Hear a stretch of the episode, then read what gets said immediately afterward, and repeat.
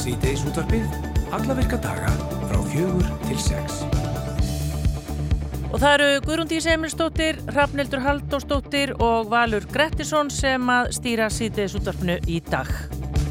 Morgunblæði greindi frá því í morgun að vara ríkisaksonari Helgi Magnús Gunnarsson hefur mátt þóla hótanir og áreiti ef hálfur sama mannsins í þrjú ár. Hótanir hafa borist með tölvupóstum og einni beinst af fjölskyldu Helga. Hann er þó ekki eini maður í stjórnkerfinu sem hefur mátt þóla óvinnulegar ofsóknir af þessari tegund. Helgi Magnús, hann verður með okkur í dag og fer yfir þetta allt saman.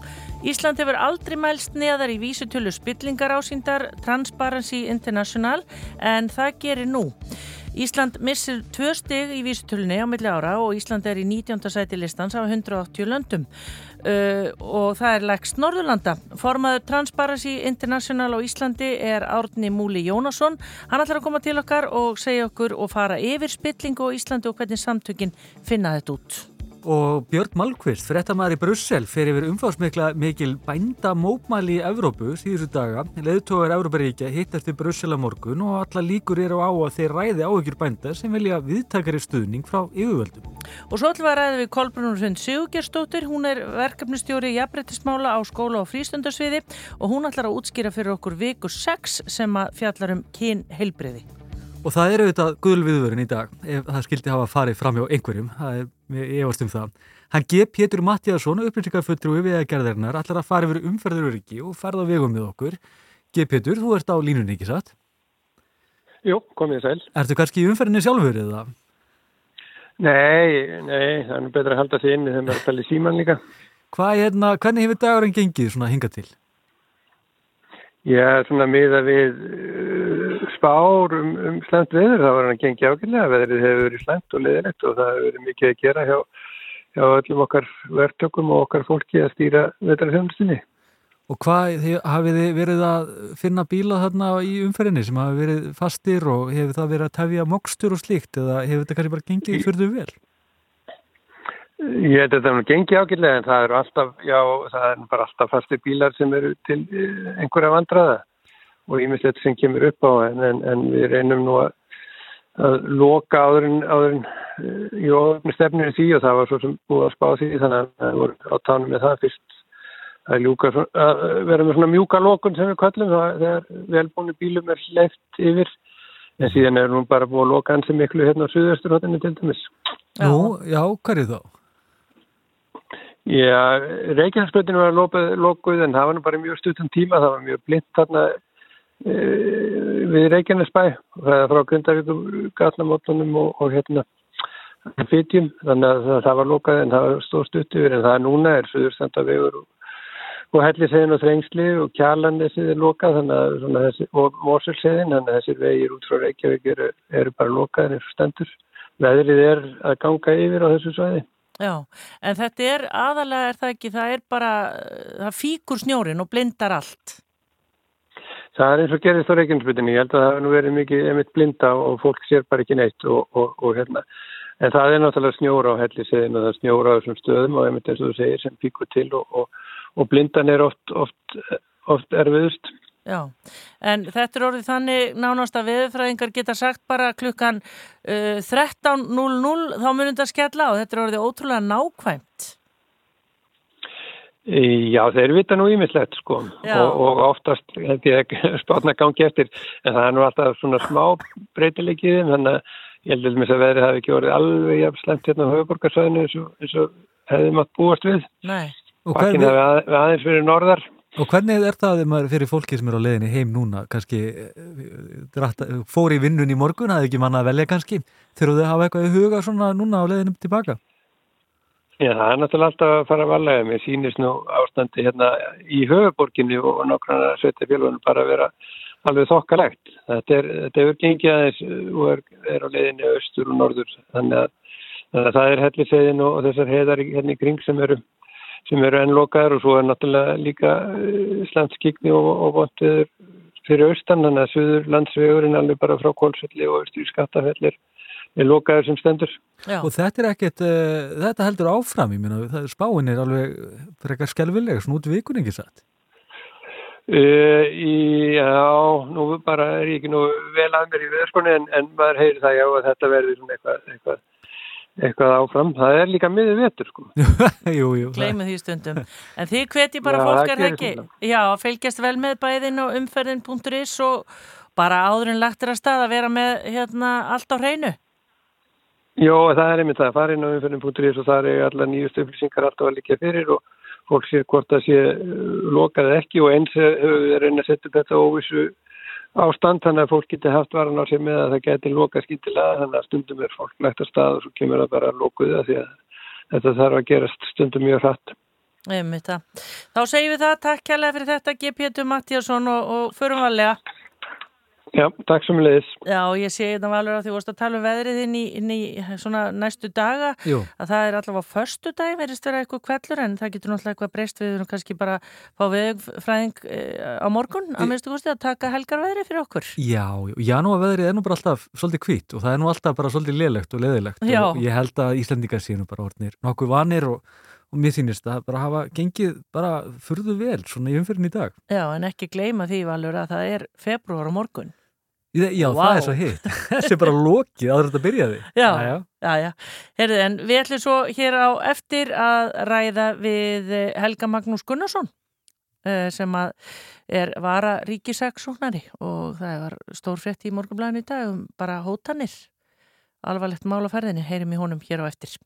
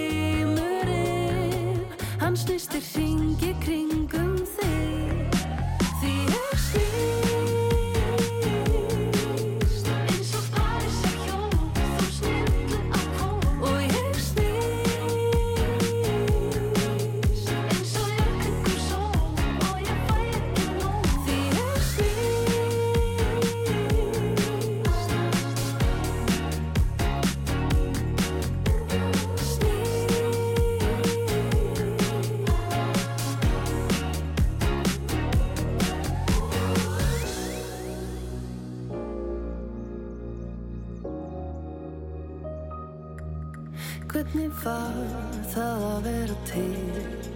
Þegar þú varst ekki mér við hlið.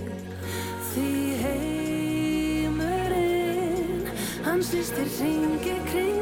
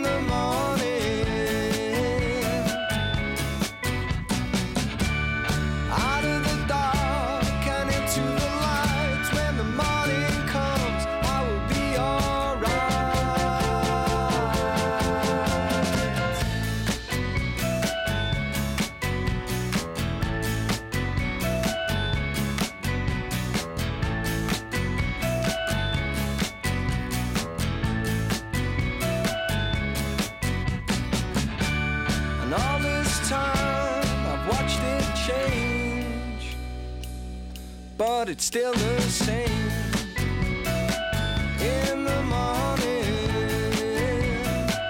in the morning, in the morning, in the morning. Þú ert að hlusta Á síðdeis útvarpið á Rás 2. Og eins og alltaf á miðugutugum þá heyrum við okkar manni í Brussel sem að Andri kaus á síðan tíma að kalla fréttarættara síðtegis út af sinns í Brussel og það er engin annar en, en Björn Malmqvist. Uh, eigum við ekki bara að byrja þessari hérna, hvað ég segja, til eh, hérna þessari fínu spurningu, hvað segja bændur í Brussel? hvað segja bændur þá? Sko, eigum við að segja að bændur í Brussel og evróskir bændur bara yfir höfuð þeir segja fátt gott þessa dagana eins og þið hafi kannski séð í, í fréttum. Uh, það eru búin að vera hérna mótmæli út um alla Evrópu í Þýskalandi, Fraklandi, eh, Pólandi, Slovaki og í Belgíu núna. Uh, ég stend hérna á á, á torki sem heitir Mjústorkið í, hérna, í Brussel, þetta er rétt hjá Europafinginu, ég vona að ég fari með nafni rétt. Hérna fyrir fram að mig eru sko einhverjir 15-20 sko stærstu traktorar sem ég hef séð á æfinni, krakkar. Þeir eru ofbóðslega stórir.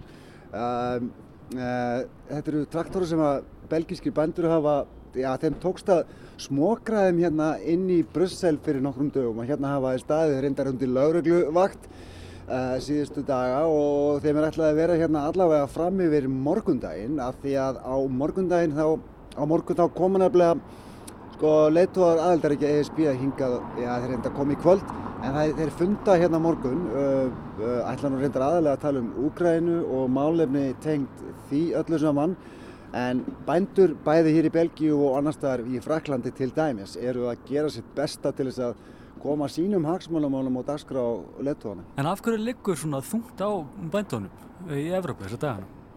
Já, það er góð spurning sko. Eh, Þetta hefur svolítið verið að blása upp á undanförnum vikum og svo náttúrulega kannski mótmæli í einu landi, svona næra mótmæli í öðru ríki. Sko, svona almennt og yfirleitt séð held ég að það megi segja að þessi mótmæli þau snúast um sko mm, almenna bara mm, djúbstæða óanægju bænda með lífskjör sín uh, í, í, til dæmis í Fraklandi. uh, þeir eru að kvart yfir sko reglugerar fargani eins og þeir kalla það uh, sem, að, sem að er að stórum hluta komið til vegna þess að Európa-sambandið er að reyna að minka losun gróður húsalofttegunda bæði í landbúnaði og í öðrum yðngreinum og í öðrum, svona, svona, öðrum sviðum þjóðlífsins.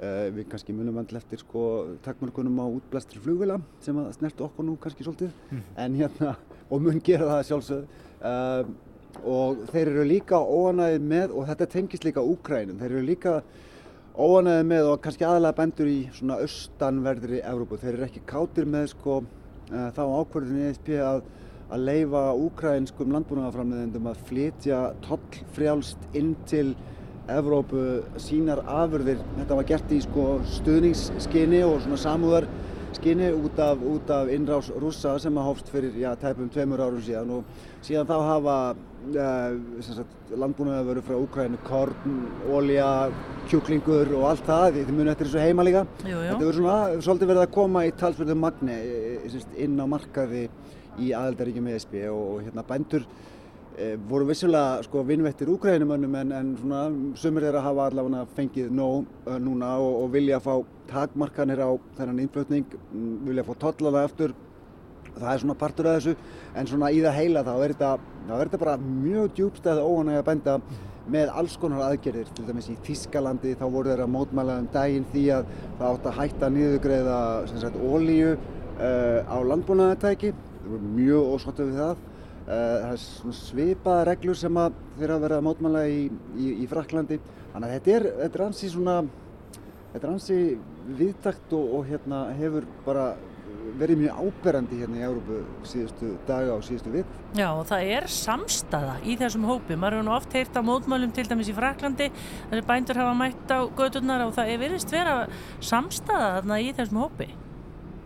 Já, þetta er, uh, þetta er enda líka, sko, þessir hagsmunni þeir fara bara mjög vel saman, sko, hjá alls konar, alls konar bændum. Það er að segja, það, það er sama hvort þeir eru í, þú veist, hvað veit ég, kortrækt eða, eða hérna búfjárrækt eða eitthvað einhver álíka sko, það er, þessir hagsmunni falla mjög saman og þeir falla líka saman milli, milli ríkja, þannig að það er, það er talsverð samstæða sko svona milli, milli, milli bænda í, í mismunandi aðeldaríkjum, þótt að það megi kannski segja að, að sko þeir séu að mótmæla kannski út af aðeins mismunandi ástæðum uh, svona milli östus og vestus allavega í Evrópu en eins og í grunninn þá er þetta sama baráttan. Og, og það held ég að kom ég bara mjög vel í ljósa að, að, að sko, þessar, þessar aðgerði þarf að vera svolítið nærst, hver, á, hver á annari á undanfærnum vikum og, og dögum og, hérna, þeir hafa líka verið að bæta í undanfarnar daga vitandi af þessum leituafundi sem að er hérna morgun eh, og þeim tekst að líkindum að koma þessu á dagskrá leituana þótt að það hef ekki staðið til allavega að formlega sér Uh, Fraklandsfósiti ætlar að tala hér á morgun við frangværtastjórn ESB um, um, um málefni bænda. Frakkar hafa lagt til þess að það verið frestað að ganga frá fríverslunarsamningi við svo kvöldu Mercosur fríverslunarsamningi við, við ríki í Suður, Afriku, eh, Suður Ameríku afsakið. Bændur hafa verið að mótmála því þannig að sko þótt að aðalumræðan verði um Úkrænu, fjárhagsstuðning Evrópusambandsins og hernaðaraðstof þá held ég að, að bændur komi sínum málum á dagskrá á morgun og það verður eiginlega að segja að það bara er ansið vel gert til þeim að, að, hérna, að gera það og þeir hafa þeir hafa gert ímislegt til þess eins og þessir traktorar hér fyrir fram að mér sína. Já, mjög áhrif mikið að heyri þér hérna Björn þarna bara einhvern veginn í miðjunni á þessu öllu saman. En er annars allt gott að því að það er nú gular viðvarænir hér eins og svo ofta áður? Hvernig er veðrið í Brussel?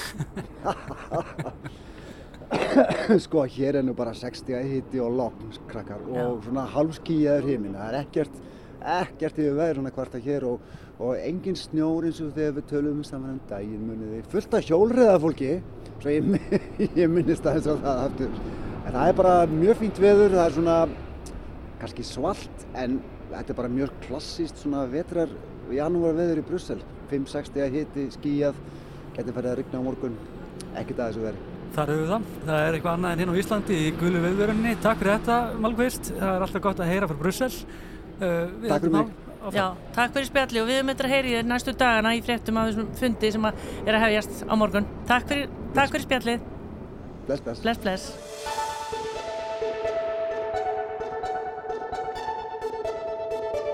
Rástvö Við erum Rástvö. Fyrst og fremst með þér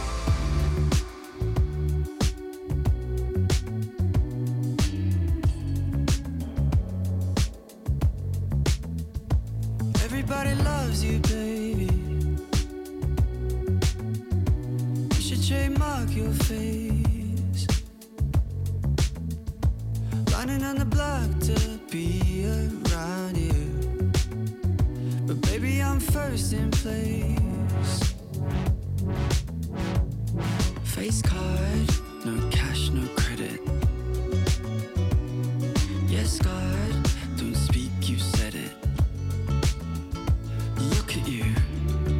the application interview.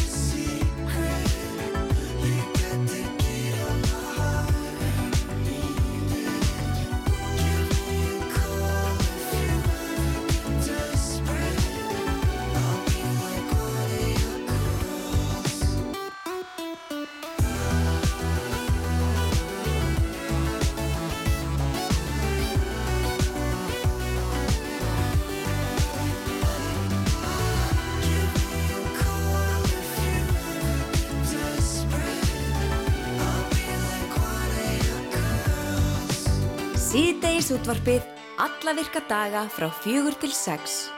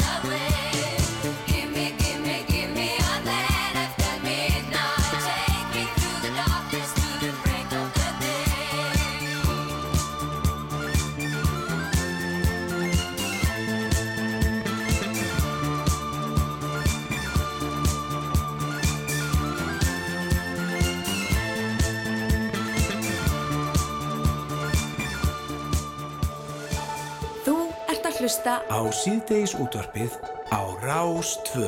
Og við ætlum að ræða spillingu hér á landi næstu mínuturnar í, í síðdeis útvarpinu. Er ekki rétt valur?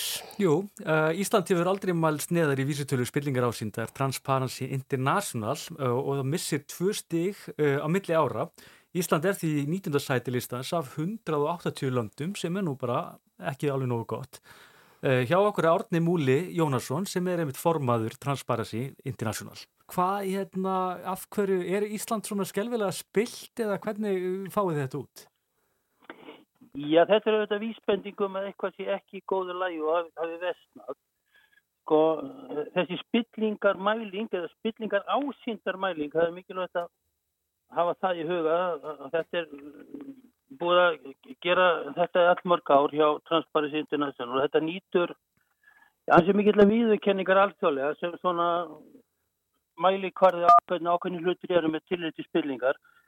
En þetta er sko ekki uh, ekki vísindarlega mæling á spillingu sem er rauninni nánast útloka þetta spilling eða mál samkvæmt sko hún, hún, hún, er, henn, er leint Já, sjaldan, sjaldan sé fólk sem viðkenni það bara í, í akkurat, þegar þau spiltir. Já, já, akkurat og, og það er eitt sem gerir það mjög erfitt átt að meta þetta nákvæmlega. Þessi mæling, hún mælir uh, spillingu samkvæmt áliti mæli hvarða sem verða til hjá uh, já, allt í allt 13 alþjóðlegum stofnunum Og hverju Eh, til að mynda og- er það sem svara þessu, til að mynda á Íslandi? Hverju segja að við séum svona lágir í þessu? það, það, það, eru sko þess, þessar stofnani sem þetta eru, ég er nú ekki með það eru saman mig hérna núna hvaða, en þetta eru sem svona alþjóðlega stofnani sem e, leggja mat á ákveðna þætti sem eru vísbendingum eitthvað sem sem hérna getur leitt í spillingar eða minnst okkar er ekki fullnæðið með til þetta að reyna að koma í veg fyrir spillingu Það er til dæmis sko alþjóðabankin með ákveðna mælikvarða. E, það er Freedom House hana, og það eru svona al- alþjóðlega viðurkendar rannsóknarstofnanir líka. Og þetta fer þannig fram að, að sko að þetta er allt í allt 13 gagnasöfn eins og sagt er um, við komum ekki að þessu Íslands deilt interna, Transparency International hefur enga aðkoma að þessu, svo Já, það þið eru sérst ekki þeir sem reikna þetta út og senduðu Nei, spurningalistan og, og nei. þessa niðurstöðu. Uh, já, við fáum bara niðurstöðuna sem er byggð á þessum alþjóðlegu aðilum og það er allt í allt sjö gagnasöfn sem liggja til grundvallar matun á Íslandi. En það er nefnilega oft, þetta er oft nefnt einmitt í umræðinni að þetta sé eitthvað svona heimatilbúin, niðurstaða og svo framvegis. Er það sagt alveg allránt?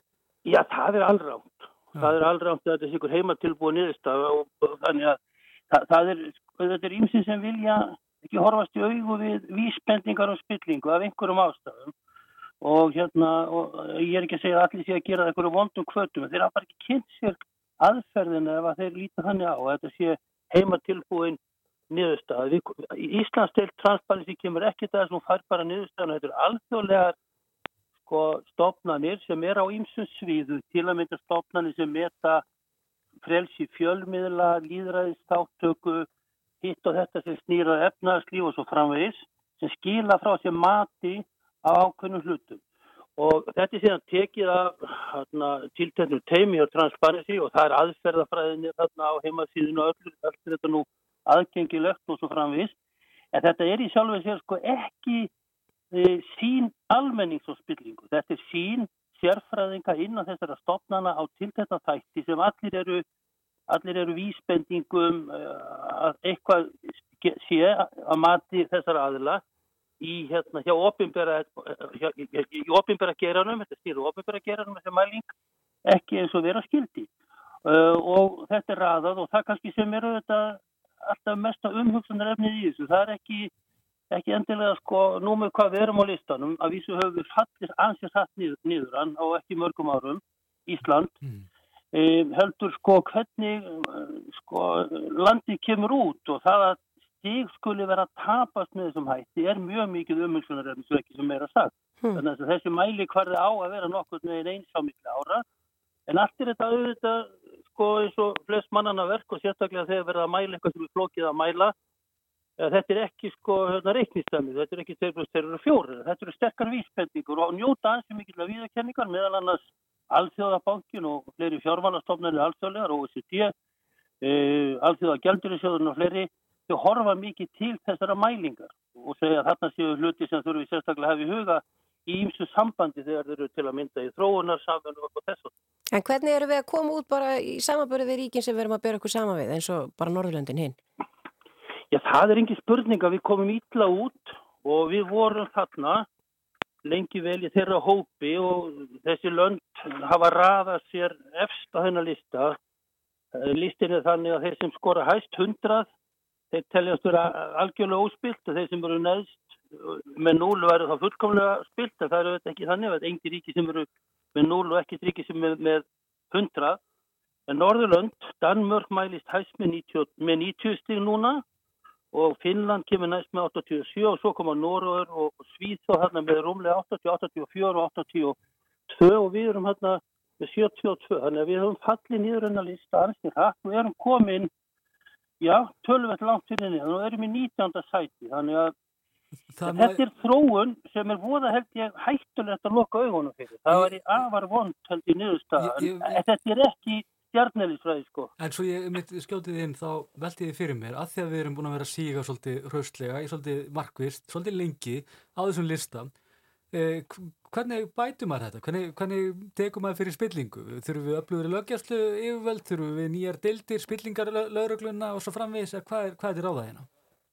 það eru auðvitað marg, þetta er marg þætt og, og það er oft talað um að það sé, sé sko viðmið sem er ansi gagleg og viðurkend svona tæki, má segja, sem uh, á ennsku talað um good governance guidelines sem kalla stjórn festu viðmið sem eiga að vera mjög til þess fallin að draga úr spillingar hættu. Spilling hefur alltaf verið og hún verður alltaf. Spurningin er bara hins vegar hvernig samfélög standa sig í því að reyna henni niður. Ég veit að hún er rosalega skadleg fyrir almanna hagsmunni. Hún, hún vegur að mannréttundum, hún vegur að réttaríkinu og hún vegur að efnaðsleiri framþróun. Og í þessi, þessi, sko, þessi tæki, ef svo má segja, sem eru viðurkend alþjóðlega og til dæmis alþjóðabanki notar þetta mikið þegar hann er í, uh, er í hérna, þróunarsamfunum með ríkjum að gera kröfum að þau reyna að bæta þessa hluti til þess að verða efnaðslega framþróun og þetta eru svona atrið eins og að vera með aðferði til að gera ofinbæra aðila stjórnmálamenn sem fara með vald og í stjórnkerfinu láta að svara til ábyrðar eða, eða gera sekjur í spillingu. Mjög oft er refsileysi, þetta eru oft einstaklingar sem eru svo valdamiklir að þeir komast upp með ímislegt og sleppa við refsingar og sleppa við viðlum. Gagsægi er grundvallar atriði. Það er að segja að það sé gert sem hægt er að gera til að sína hvernig farið er með vald og almanna fjö. Þannig að almenningur geti staði vörðum réttindi sín og auðvitað líður að þið grundvallar þáttur í þessu og, og, og að hérna fólk fóði tækifæri til að segja skoðun sína, hvað þeim sem fara með vald og fjö. Sko jafnrétti, þáttaka almenni sínu líðræðislega ferli, vernd uppljóstrara. Þetta er til dæmis eitt sem er mjög mikið umhersunar efna á Íslandi að það, það eru lög sem hafa verið í gildu um vernd uppljóstrara sem á að verja þá sem ljóstra upp um spillingu fyrir hemdaraðgerðum sem er mjög algengt að verði þannig að oft er þetta eitthvað sem snýra valda miklu fólki, íku Já. fólki eða fólki sem er Og við höfum einmitt séð, séð einmitt að, það- að þeir, hafa, þeir hafa undarfærin ári mitt lemt svolítið í líði, uppljóstrarannir.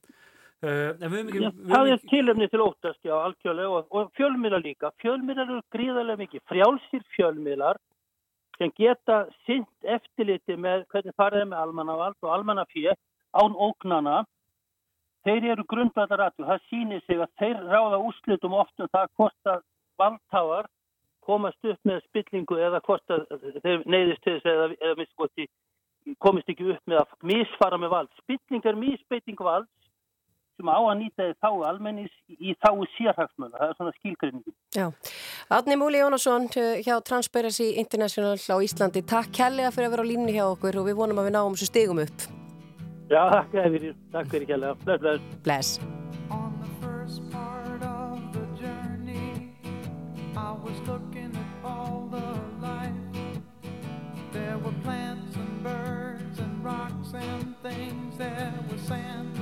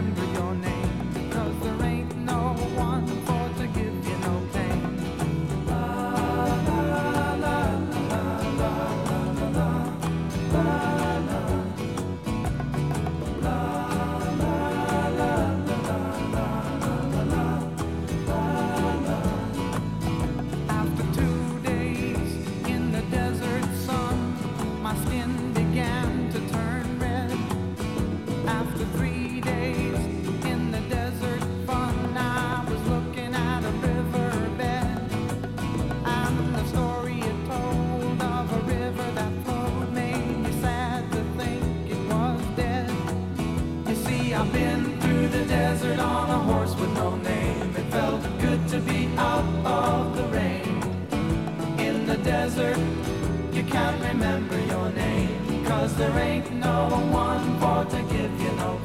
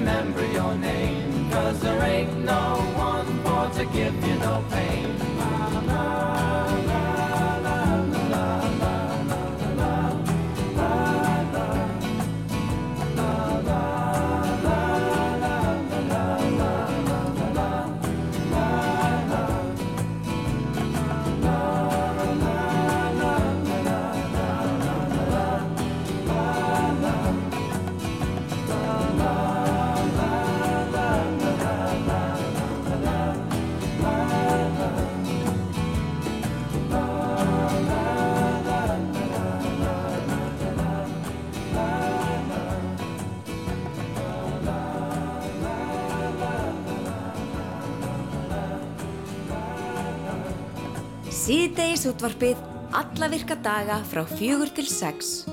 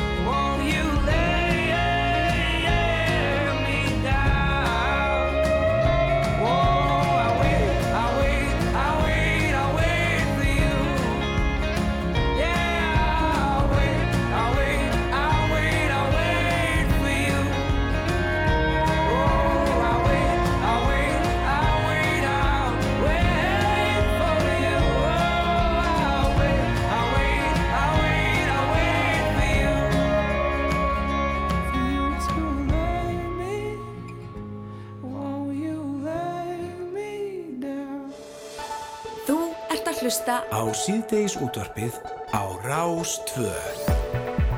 Veðurhorfur næsta sólaringin.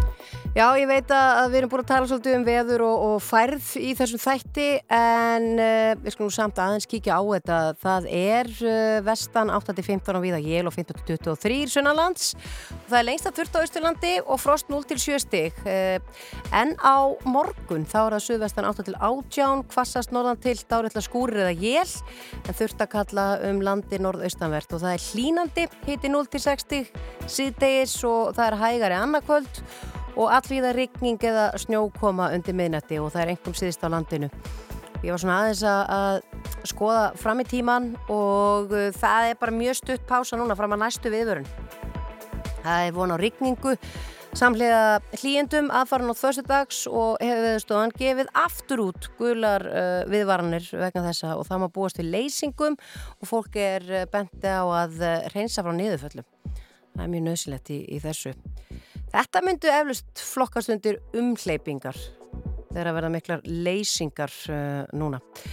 En þetta er sérst klukkan 20 annað kvöld þá tekum við gul viðvörun gildi á Suðausturlandi þar sem að von er á talsverið eða mikill í regningu uh, og klukkan 22 tekur hún svo gildi á Suðurlandi og við Faxaflóa og á höfuborgarsæðinu klukkan 23 og allar viðvarnir vera svo fallar og gildi með klukkan 5 og 6 á förstu dags morgun. Þannig að vonandi munum þetta ekki hafa mikil áhrif á já, flugsamgöngur. Þetta er svona að sleppa allavega eitthvað að því. Það styrtist í frettir og tilkynningar núna klokkan 5 og svo höldum við að sjálfsögðu áfram hér í síðdeis útarpinu.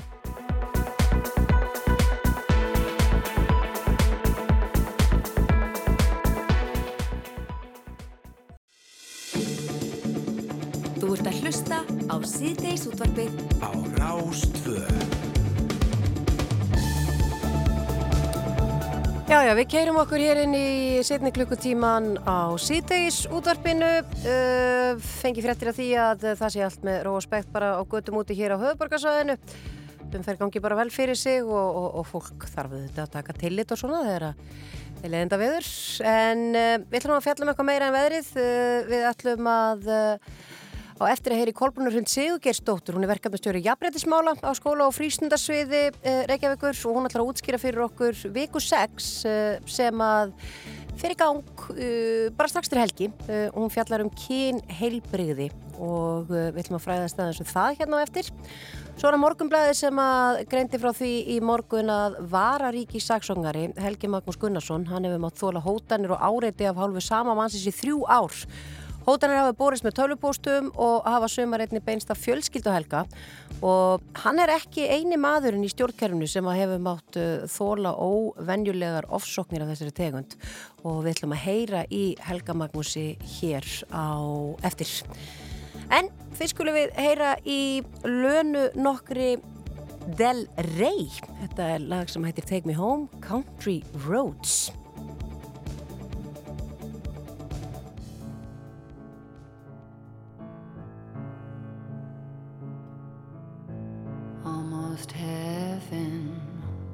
West Virginia, Blue Ridge Mountains, Shenandoah River.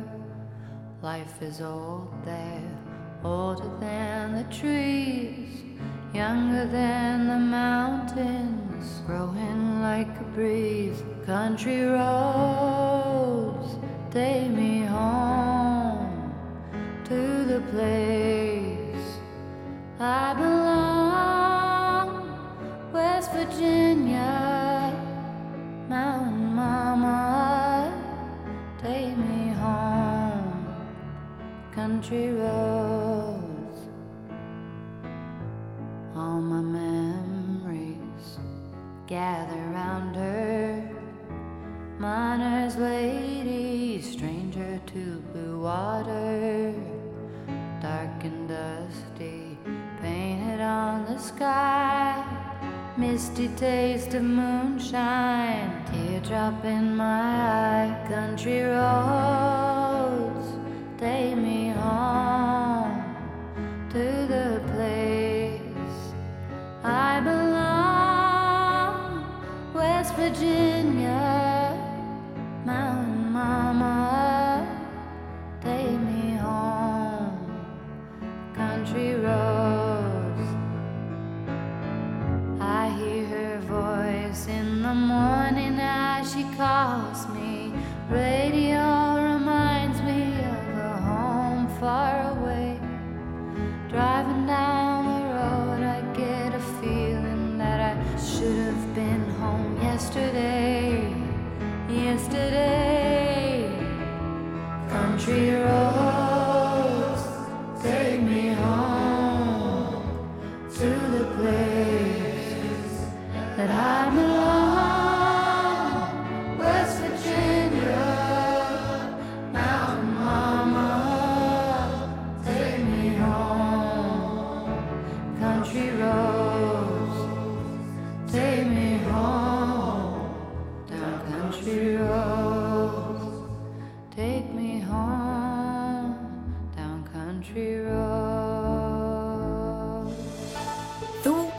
Hlusta Á síðdeis útvarpið á Rás 2.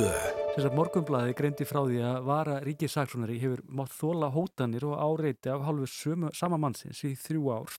Hótarinnar hafa borist með tölvupústum á sumarétti beinstað fjölskyldu uh, saksóknarans.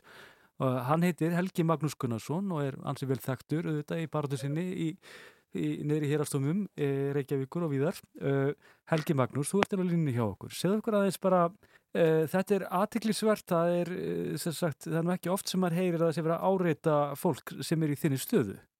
Nei, ég hef ekki kynst þessu áður sko. Ég er rauninni, ég er 25 ár sem ég hef verið að vinna í þessum gera að saksækja fólk úr ýmsum stigum. Ég hef nú mikið verið í kvílvitabagrótum en líka í mandrás og líka, líka með eitthvað málum. Og það sem hefur verið svona, já, umhverfi, það sem að menn getur búist við ýmsu. Ég hef aldrei orðið, var, orðið fyrir neinu fyrir en akkurat í þessu tilviki og hérna, þetta er nýtt og þetta verið svolítið í lengst og verið svolítið sérstakt sko. Hvernig er, er þetta núna? Er þessi maður, er ennþá verið að hafa samband við þig og er ennþá, er, berast þér ennþá hótanir til að mynda? Já, það kom, það komið reglulega á nokkra mánuða fresti ykkur svona guðsur sko sem eru svona í þessum dúr syndaði sem nú, nú kannski ekki enskumælandi það sem að skrifa er stundum svona svolítið samgislaust en það er svona í sama dúr og þegar maður er búin að fá beinar hótanir eins og kannski tekið þarna einhver, einhver leiti eftir dónum sem var vitnaði í morgunblæðinu að þá auðvitað les maður náttúrulega út úr því eða skilur maður að posta í samræmi við það sem þar kemur fram sko maður þarf að má ætla að við komum til að sé með mann á heilinum og geti tekið upp á ykkur í viltsu Svo sko, einmitt, þú auðvitað starfar sem vara ríkisaksonari og þú ert auðvitað að takast á við alls konar e, í samfélaginu, allt frá mjög hörðum glæpamálum, bara manndrápum yfir í hvítflipa glæpi einnig um, og þetta er í fyrsta skipti sem út að lenda í svona erfiðum, erfiðu áreiti. Hvernig er, hvaða varnir hafið þið til að mynda? Ég meina, þú ert í viðkamuru stuði sjálfur sér og ég meina, maður lítir að það ljóta að vera einhvers konar, konar verklæsreglur og vend sem þið svo sem getið sótt í eða hvað? Já, ég sko, ákveðna marki, greiningadeldir ríkisverðustjóra hefur verið mjög velviljið og aðstóðað svona að ákveðna marki og það, það vantar, finnst mér, einhvers konar verkferðla og viðbrasa ávætlun þegar að svona kemur upp. Mér finnst uh, að þessu og þetta er fleiri sem á lendi ykkur svipuðu sko. Mér finnst fólk standa, ég er ekki að tala sjálf að mig sérstaklega hvert við því, svo sem það kannski öðru þessi fyrir marga að þið standa svolítið einir í þessu sko. Þeir eru að vinna fyrir ykkur stofnun, þeir eru að vinna fyrir ríkið, þeir eru að vinna fyrir almenning í ykkur málum sem eru lausanlega og svo þegar kemur ykkur svona upp og þá svona nánast er þetta þannig að, þeim er sagt að þið getur bara ringt í nefn en eitthvað kemur upp á sko. Þannig að það mér finnst þurfa mikið markviðsari viðbröð uh, með ykkur skonar uh, eftirliti, ykkur skonar einhverjum vartar uh, möguleika fyrir viðkomandi til að tryggja aðeins betur að hann hafi ykkur skonar forskot og, og örgja þessi betur tryggt. Þegar að metta það svo að það sé ástæðilega að taka þetta alvarlega. Í mínu tilviki þá er þetta þannig að ég hef ekkert efnaði en að taka þetta alvarlega. Ég hef ekkert efnaði í öðru heldur en að verja mína fjölskyld og mín börn sko. Þannig að ég ætla ekki að vakna við það eitthvað daginn að ég hefði gett að gert eitthvað betur sko. Það er ekki þannig. Þannig að maður hefur ekkert mat sko. Veist, maður hefur bara um það að velja að taka þetta alvarlega þegar þetta er Ég er ekki að tala um einhverja fyllibitinu í bæskilur sem mann ekki hvað hann sagði daginn eftir, það er ekki þannig. Sko? En, en að tala um þetta ofinberlega, er þetta ekki oft þannig að það er viðkvæmt einhvern veginn að tjá sig einmitt um það að manni sé hótað? Jú, ég held að sko, vandin í þess að hluta sé sá. Að við sem vinnum í þessu kerfi erum náttúrulega svolítið þannig að við tökum þetta bara á kassan sko, og við geta væli yfir þessu sko. og við höfum kannski komið svolítið upp með það að taka þetta ekki alvarlega kannski nema nema svona, þú veist, þá er þetta bara eiraðið eitthvað, en ég held að það sé við erum bara að horfa fram á breytt við erum að horfa fram á breytt landslag við erum að horfa fram á bara breytt, breytt samfélag sko. það eru hér hópar og við, við lesum á skýslu greiningadelda ríkislæri stjórn skipulega brótastar það og ekki við þessu tilviki sko, það erum að ræða, við lesum bara dómin þetta ámur í hérastum Reykjanes málinu S714-2022 það er engar trúnaður upplýsingar sem ég er að vísa til þar sem maður tala vera með áfallastreitur raskun líka, líklega og einhverja fleira raskan er sko. Maður sem hefur lendið stríðsátökum í Sýrlandi og hann að forða þessi til Íslands. Þú veist ekkert við hvað þú ert að eiga sko. þú veist að eiga við fólk sem kemur úr aftur umhverfi með allt það er að síðu aftur við og yfirvöldum og svo erum við að tala um líka skipulega brota starfsemi sem í mörgum tilvíkum eru ellendi brotahópar. En sögni hverjir eru þekktir að því ellendis að vera mjög óbildi sinna þannig að við erum ekki að, að fást við okkar venjulega sko, okkar venjulega brotamann sko. við erum í rauninni höfum búið svolítið við það og það verður náttúrulega stundur hægilegar útkomur úr einhverju neyslu eða drikju og mandráp en við höfum ekki búið við það að það sé þessi, þessi grind eða þetta sé svona útreiknað eins og við sjáum í nákvæmlega og er að færast til okkar í sama mæli skilu. Við verðum að breyðast við því og við getum ekki bara búið hér í einhverju bómöll og trúa því að hér sé allt svo gott og allir svo saklusið. Við gerum helst ekki það sem ef maður gæta sínu nánust þau eru fullir sko, það er ekki hann. En þetta er áhugavertið þetta vegna þess að þú ert ekki svo eini sem hefur verið, þú sætt svolítið óvinnulegum hótunum og þetta, þess að séu einstaklega þrálótar. Um, Yfirlörgli þjótt, uh, Grímur Grímsson, hann letti því að það var Uh, skemdaverk unnin á bifreið og, og, þetta er mjög óheðbundið því að það verist að, að sé, hafi hingað til verið einhvers konar lína þegar kemur að uh, þeim sem starfa við löggæslu eða í, í, í domstólana uh, og svo þeir sem eru auðvitað alls konar fólk sem bara lendir í domstólu með lögreglur og framvegis en það er, það er ekki gengið svo langt að vera eðilega eigur og svo framvegis Þetta er auðvitað nýr veruleiki Hva, hvernig sér þú þetta? Ég sé þetta bara, þetta, mér finnst þetta að bera bara með sér annan sko, annan mentalitet, ef maður sletta, annan sko hugsunahátt, þannig viðfort hjá mennum. Það hafi verið, og segir okkur í þröskuldar. Ég hef sótt mála hendur mennum sem myndur kannski teljast vera meðal svona ábeldi sinnaðar í afbrótamanna í þessu samfélagi sem ég fann náttúrulega nokkuð að nefna nöfn. Ég hef ekki orðið varfið með kringum við dómsmeðfyrir fyrir að mála og fýsiður utan þessa þegar það nokkuð til að sínt mér meina óvildi eða haft í neinum upp í neina tilbörði í kringum nokkuð skapaðan hlut.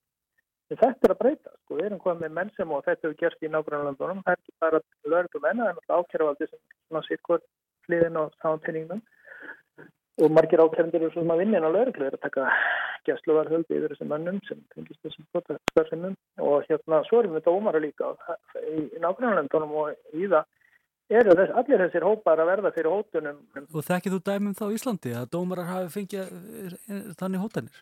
Já, það er svona, við erum að fengið þessi guðsur, ég hef ekki alveg með dæmum akkurat beinar hótanir að viðbörðu við þeim akkurat núna, ekki það er kannski ykkur annars sem veit það en það er kannski bara að benda á og það er eftir þróun sem við höfum búist að verði hér mm -hmm. og við erum að sjá kannski aðeins Og hvað er þetta ráða?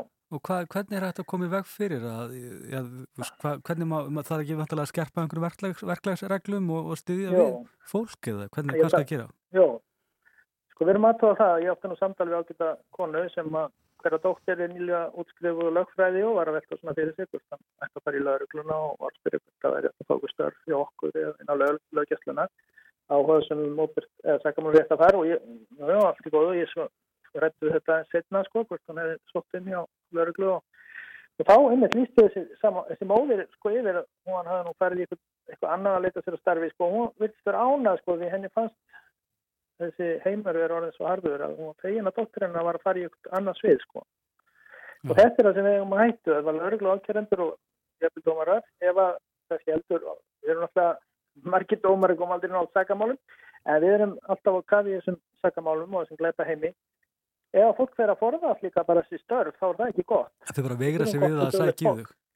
Já, ég meina, viltu setja fjölskyldinni inn að veði fyrir eitthvað starf? Þá þurfum við náttúrulega að standa með okkar fólki og við þurfum að hafa skýra verkverðla og við þurfum að hafa að viðbrað og öryggi þegar við metum það svo að sé raunverulega hætta eða þess að geta líta fram í á hættunni. Þá þurfum við að hafa eitthvað sem að grípur fólk og bara þarf ekki að vera í þess höndum að finna sér einhverja lausnir eins og kannski sem er að gert og ég vil ég bara til að tryggja þegar maður hafi eitthvað viðbráðskjöld ég ætla ekki að ræða neitt frekar. Að þetta á að vera verkefni yfirvalda að standa með sínu fólki og, og bakka upp á þessu leiti svo er náttúrulega annað að við þurfum náttúrulega styrkja alla þess aðeila ef að það er regla ákjæru valdi svelt í peningum þá náttúrulega sittur þetta á hakanum vegna að vera að sinna ykkur um öðrum málum. Svo náttúrulega annað sem er náttúrulega að fara að huga að sko, við erum bara Við erum svona næðað með neglu handabökin sko yfir þessar umræðum þetta rannsóknar heimildi lögreglu sko. Þetta er umræðan um þetta bara eins og sé eitthvað barnaðamæli sko. Því þetta er alveg að við þurfum ekki sömu heimildi eins og nágranna þjóðurnar þegar við erum að færast inn í það umhverju sem er þar. Telur það haldist í hendur við þetta allt saman að það þurfi aukna rannsóknar heimildir til þess að auka öryggi til að mynda lauruglumanna og, og saksónara. Já, og það er unni öryggi okkar allra sko því að við erum nýlega, nýlega búin að vera umfjöllunum einhvern myndan æsisliða sem var fluttur á landi. Við höfum verið að fá allskyns fólk sem ég get svo sem ekki rætt en ég veit um sem hefur tengingar við hriðverkastarfsemi eða grófa brotastarfsemi þar sem að veist, það er ekki bara lögregla á, á kjörvald sem getur orðið fyrir slíku er bara almenningur í landinu og, og til þess að Veitu, hvað, einstakling á Íslandi sem er tengingu við? Það kemur Önnur en æsis? Eða hvað er það að tala um? Ég get ekki drætt það í þaula sko en það Nei. hafa komið til vik þegar að verið er að fylgjast með einstaklingum, einstaklingum sem að kemur aðvörun vegna ellends frá að kunna tengjast einhverjum hópum sem eru varasamir Jú, jú. En og það, er, það, sem, það sem ég vil segja sko Já. er að til þess að geta komið í vekk fyrir brot brúðist við varið þess aðila og samfélagið þá þarf náttúrulega lögreglun á Íslandi að hafa sömu heimildur og eru alltaf nöysenlegar alls þar annars staðar. Það er þetta bara rakið. Það er náttúrulega á hennu pólitíska mikilvægara- já, já, það er náttúrulega á hennu pól- pólitíska borði og það er um það er mikið deilt auðvitað en Helgi Magnús Gunnarsson, við höfum ekki meiri tíma og takk fyrir þetta og við vonum að þessar hótanir hætti hérðan í frá og er hérna og þetta ástand batni svo um munar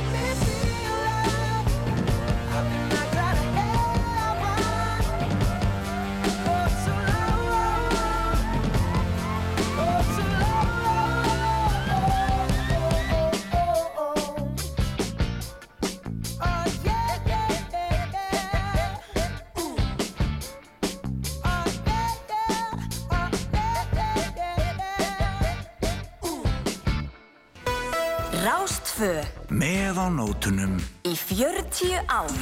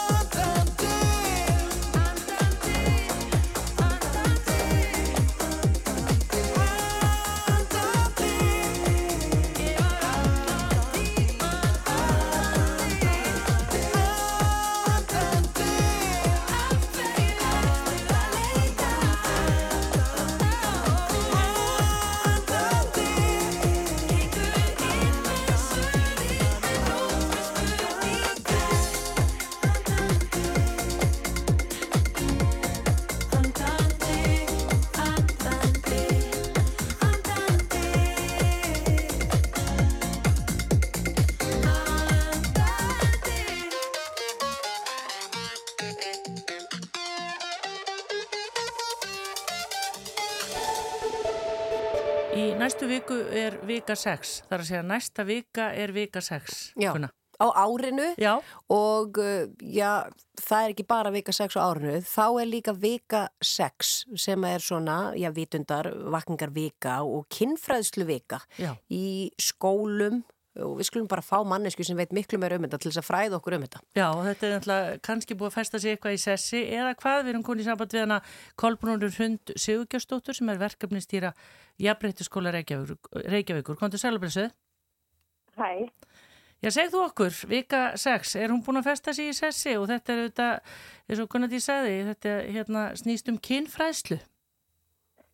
já, uh, vika 6 er svona kynhelbriðist átak þar sem við reynum að setja kyn uh, fræðslu í forgrunn í skóla og frístundstarfi og já, ég held hún sé að verða búin að festa sér nokkuð vel í þessi allavega í Reykjavík við þetta erum að vinna þetta jafnbryttiskóli Reykjavíkur heldur utanum 6 og við fókusum á okkar starfstæði í Reykjavík en það er alveg bara margir starfstæðir á landsbyðinni og framhaldsskólar og fleiri sem eru samferða sem er bara frábært og á mörgum stöðum er þetta bara orðið fast í skóla uh, dagatalinu þannig að þetta er alltaf koma. hvena byrjuðu með þetta fyrst, veistu það? Já, við byrjum 2020, það var fyrsta árið sem við hérna prófum og svo hefur verið, þetta er fyrsta árið okkar núna. Uh, bara svona aðeins rifjar upp með okkur bara hvernig fer þetta fram í skólum uh, borgarinnar og sem sagt alveg nýri leikskóla sem eru þetta fyrsta stig grunnskólans. Já, sko, við, við gerum þetta þannig að uh, við vinnum alltaf út frá hugmyndum um alhliða kynfræslu og þegar við vinnum um alhliða kynfræslu þá er undir því í rauninni svona átta mismunandi þemur þannig að við séum í rauninni alltaf að fanga allar hliðar kynhelbriðis sem er þá bara andlegar, félagslegar, líkamlegar og andlegar og ná tilfinningarlegar um, og það er þannig á hverju ári að þá bjóðum við upp á átta mismunandi þemu og úlingarnir í borginni kjósa þema. Og þegar þau hafa kosið þema að þá bjóðum við fulltrúum úlinga úr öllum grunnskólum borgarnar á fund þar sem að þau fá að auðvitað hitta aðra og tala um uh, kynhelbriði og kynfræslu en líka fá að hafa beina ásif á hvernig þau vilja hafa næstu viku sex. Hvernig, hvað vilja þau fá fræslum, hvernig vilja þau fá fræsluna, hverju vilja þau koma framfæri við fullorna og svo vinnum við út frá því. Og í ár að þá er til dæmis þema samskipti og sambönd og það er mjög gott þema til að vinna með alveg nýri leikskóla. Af því þegar við erum með leikskólabörna þá erum við að vinna þetta út frá til dæmis bara hvaða orð gleðja og hvaða orð meiða, eh, hvernig eignast ég vini, eh, hvernig get ég tekið því ef einhverju vill ekki leika við mig, hvernig bregst ég við og við erum bara svona að æfa þessi grunn, þessi grunn þætti sem við byggjum svo jæmt og þétt ofan á e, í gegnum skólagönguna og þegar við erum komin í úlingastíða þá erum við að tala um heilbrið og óheilbrið samskipti og heilbrið og óheilbrið sambönd. Og hvenar er samband orði óheilbrið, hvar eru mörkin, e, til dæmis frá aðbrið sem yfir í stjórnund og e, hvað eru svona grænuflögin, hvað er gott, hvað ættum við að leggja okkur fram við að gera meira af og, og, og krefjast að aðri sína okkur meira af, hvað eru rauðuflögin sem ættum að varast? Og, og, í rauninni bara allt þarna milli, sko. Mm. Þannig að við í jafnrættiskólinn gerum alls konar, við búum til myndbönd og við búum til vextjöld og, og við erum með fræðslu stutturmabóli fyrir starfsfólk og við erum með perlur fyrir úlingarna þar sem þau eru að skoða ábyrg og síðan útferðir reyni hver starfstafur vikuna bara svona eftir sem hendar á hverjum stað. Hmm. Þannig að þetta er þá eitthvað sem að úlingarnir eða úlingastíð í fyrra hefur óskað eftir að yrði teki fyrir uh, í þessari Nú. viku. Þau kjósa alltaf að hausti fyrir næstu viku sagt. Og, og í fyrra til dæmis þá var þema kynfyrsli hegðun og það auðvitað ákvæmst ekki eins vel við um allan aldur þannig að við svona smíðum þetta eftir þemanni hverju senni. Já, það hefur náttúrulega áður hérna komið fram eða komið fram óanægja og sumir hafa mótmælt þessu hvort að það eigi eitthvað erindi inn í til dæmis leikskólana umræðum kynheilbriði uh, hvað segir við því?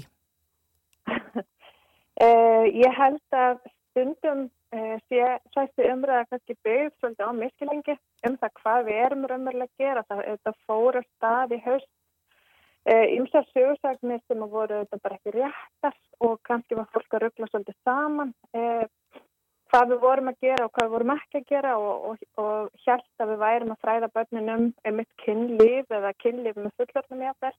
Uh, það erum við þetta ekki að gera. Það sem við erum að gera með yngri kvekkum, það er bara grunnurinn af því sem kemur setna. Við erum að kenna þeim að setja mörg, að uh, tala saman, uh, líkamsverðingu, að nota rétt orðið yfir, yfir kynferðina, að fræðast um fjölbreytileika í fjölskyldum og fjölbreytileika fólks. Þannig að uh, við erum ekki að kenna börnum, litlum börnum um kynlíf. Þannig að það er alveg að segja og ef að fólk hefur áhyggjur eða, eða er, e, finnst þetta ekki eiga erindi að þá bæði getur fólk kíkt inn á heimasíðu viku 6 þar er bara mjög mikið af upplýsingum og kennsluhugmyndum þannig að fólk getur sé hvað við erum að gera. Um, en síðan getur fólk að þetta líka hort á bara tölfræðina því að við til dæmis þegar við fórum á stað þá höfum við bara gríðarlegar áhyggjur af því að til dæmis að unga fólki okkar var mjög mikið að horfa á klám og það sérstaklega strákarnir okkar og við höfum bara mjög áhyggjur af því að, að þarna 2019 þegar ég er að hugsa um að reyna að koma viku 6 á koppin þá er staðan þannig að 63% stráka í tíundabæk á Íslandi voru að horfa á klám ykkur einustu viku til nokkur sem á dag og bara 16% stráka sögðist ekki að horfa á klám. Síðan við byrjum í viku 6 þá hefur fjöldi þeirra barna sem horfir ekki á klám aukist með hverju einasta ári og núna 2023 sögðist 46% stráka í tíundabæk ekki nota klám.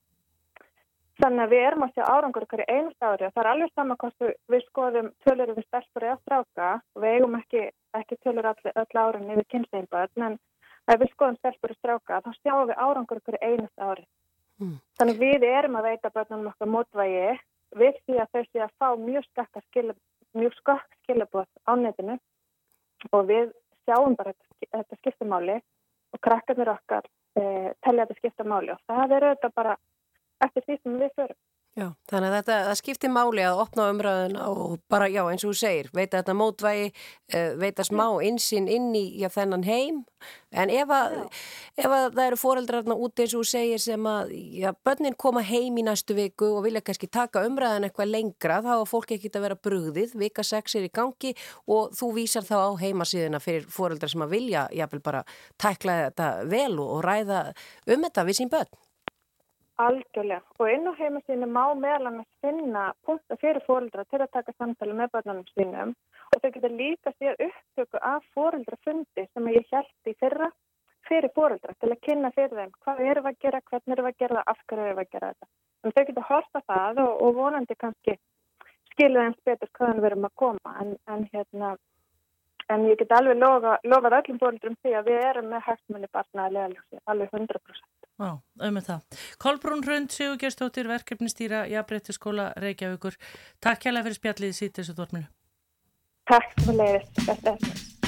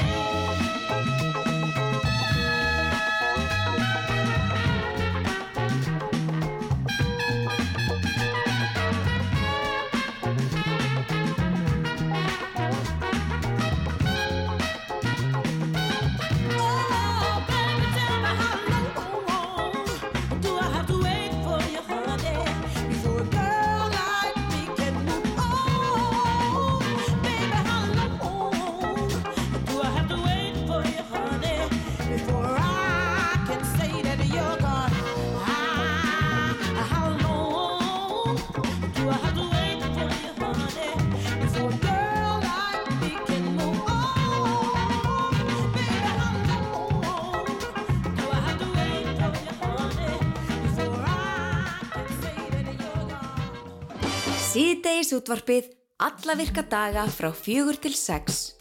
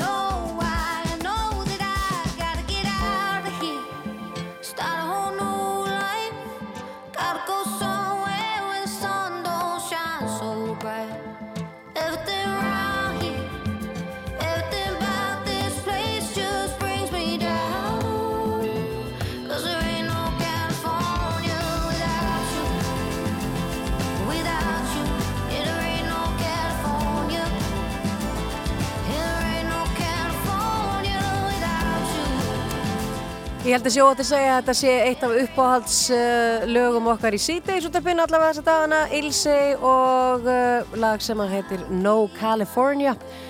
Manni verður alveg hugsað til Kaliforníu og svona heitir að slóða kannski þegar að veðrið er svona eins og það er síðan og er allavega að minna allverulega á sig og uh, já, hann er nú búinn uh, á minnati kvöld og, og, og februar tekur við.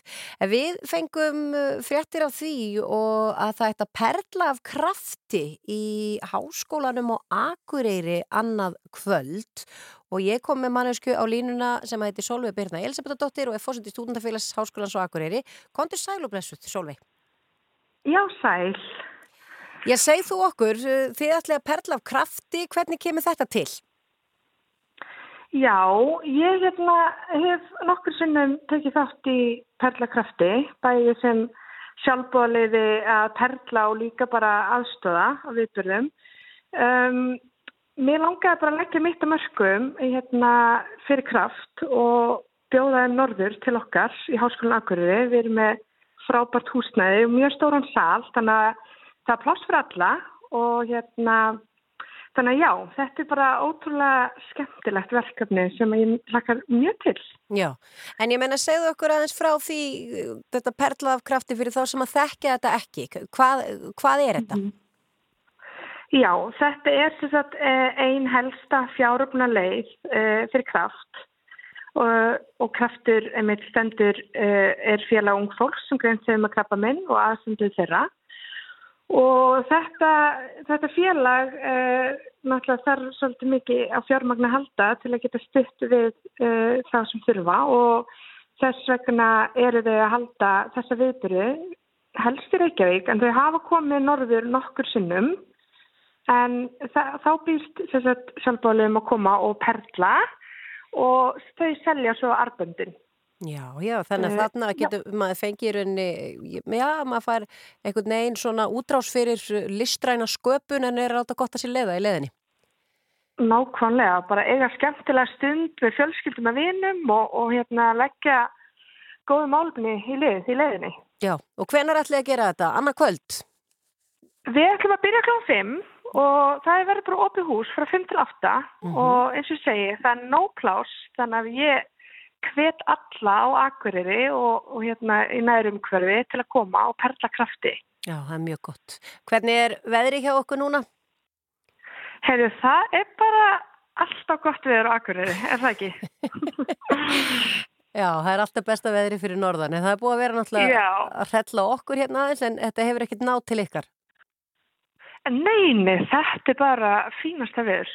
Já. Fínasta viður hér. Já, og snjóri yfir öllu samt. Já, snjóri yfir öllu. Fínasta, Það er bara fallegt. Já, já, fínasta skíðafæri líka í fjallir og svona, þannig að þetta lítur bara að vera hugulegt. Heyrðu, bara Nákvæmlega. takk kærlega fyrir að vera á línunni hjá okkur og, og bara fyrir þetta frábæra framtak. Sólveig Byrna Elisabethadóttir, fórseti stúdendafélags Háskólans Akureyri og við hvetjum bara Akureyringa og nærsættamenn til þess að mæta klukka 5 upp í HA á morgun og perla. Takk sem leiðis. Bless, bless. Bless, bless.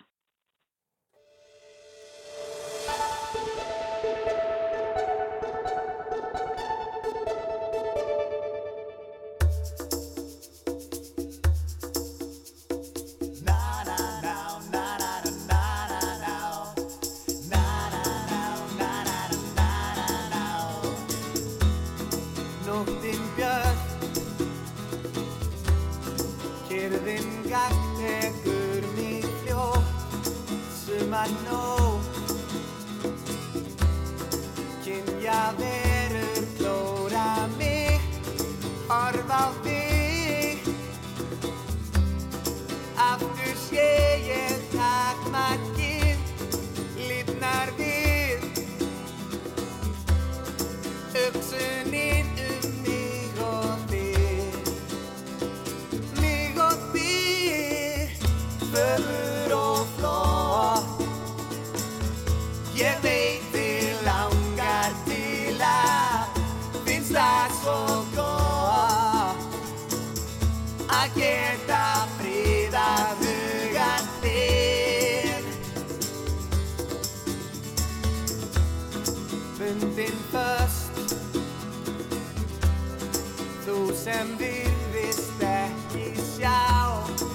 Hvernig þá? Get ég hjart og huga tjáð Engum hátt Tækifærið gæti mitt Hjarta þitt Er það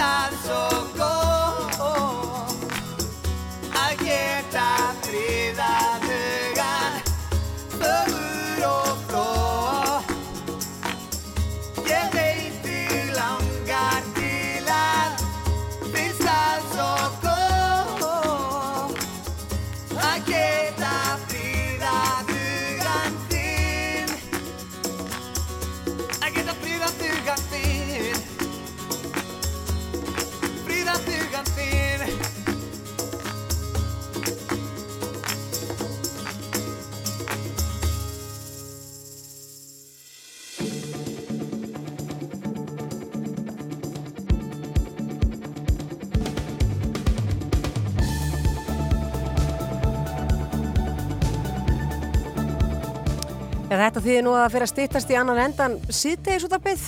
Já, einmitt og það er bara að koma uh, fréttum og spekli og uh, já, eigum að segja kannski veðri var ekki alveg slæmt, eins og uh, bestu menn heldu.